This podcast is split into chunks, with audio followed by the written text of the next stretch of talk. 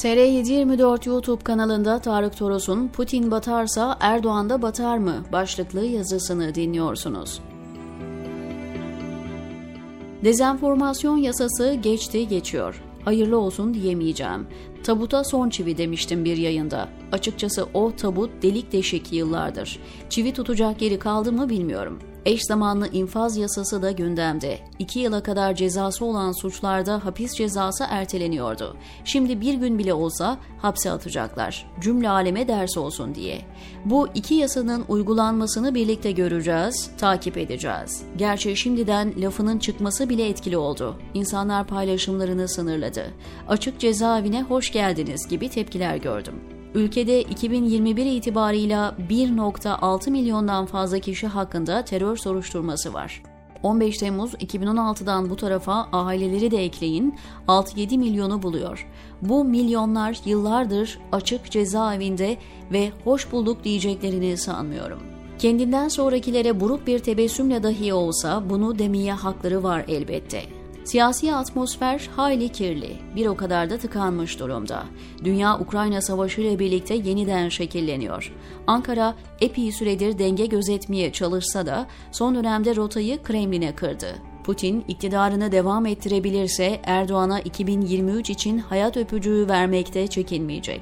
Bunu alenen gösteriyor. Putin batarsa Erdoğan da batar mı? İşte bu soru işareti. 7 Ekim Rusya liderinin doğum günüydü.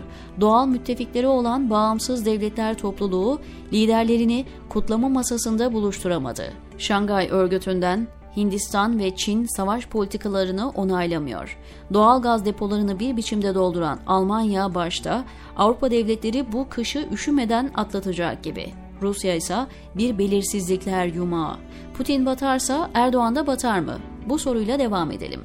Batı'nın Rusya yaptırımlarını genişleterek tavizsiz uygulayacağı, buna Türkiye'yi de zorlayacağı tezi gittikçe güçleniyor. Putin batmasa da bu tedbir Erdoğan'ı zorlar. Aylardır kayıt dışı girişlerle tuttuğu dövizi tutamaz. Seçime en fazla 8 ay kala ne yapacağını kestirmek zor. Rusya ile ticaret son aylarda katlanarak büyüdü.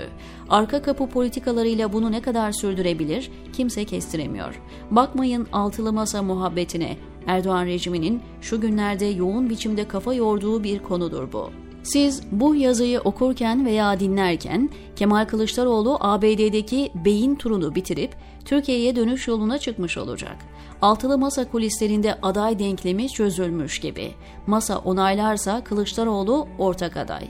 Akşener'in istemediği birinin aday olması ise olanaksız. Bu durumda Mansur Yavaş eleniyor. 2018'de ortak adayda anlaşamamış, her parti kendi adayını çıkarmıştı, olmadığı görüldü. Benzer bir riske girer ve başarısız olurlarsa topluma anlatamazlar. Bunun farkındalar. Saray da farkında. Belki de bu yüzden Altılı Masa, HDP'li Emek ve Özgürlük İttifakı ve TKP'li Sosyalist Güç Birliği'nden sonra dördüncü bir oluşum yola çıktı.